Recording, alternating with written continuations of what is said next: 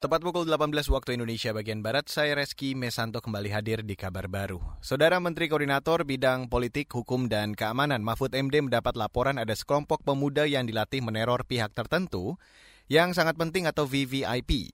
Mahfud MD mengatakan identitas kelompok tersebut dan tempat latihan mereka. Kata Mahfud, mereka merupakan kelompok yang menghantam ideologi bangsa sama seperti 23 orang tersangka teroris yang telah ditangkap kepolisian. Salah satu tersangka yang diringkus adalah buronan peristiwa bom Bali 1 pada 18 tahun silam.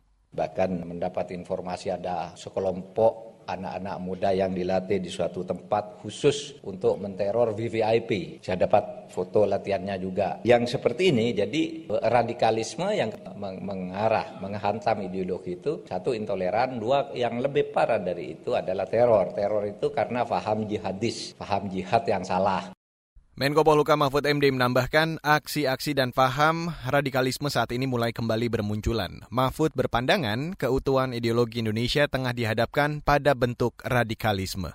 Kita beralih ke informasi selanjutnya, Saudara. Perbaikan pertumbuhan ekonomi domestik diperkirakan terus berlangsung secara bertahap dan akan meningkat pada tahun 2021. Gubernur Bank Indonesia Peri Warjio mengatakan perkembangan tersebut terindikasi pada berlanjutnya kinerja positif sejumlah indikator pada November 2020.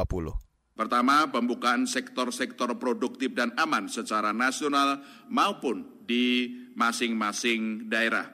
Kedua, akselerasi stimulus fiskal dalam APBN 2021.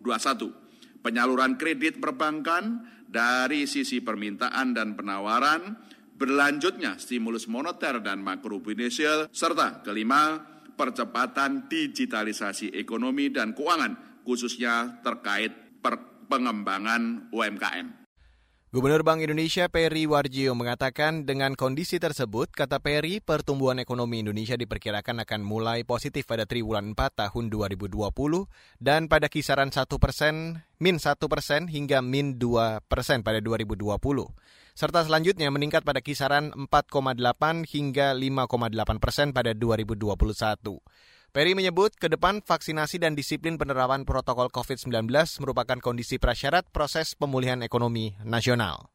Saudara Komisi Pemberantasan Korupsi atau KPK menelusuri aliran dana dalam kasus suap bantuan sosial sembako COVID-19 yang melibatkan Menteri Sosial Juliari Batubara.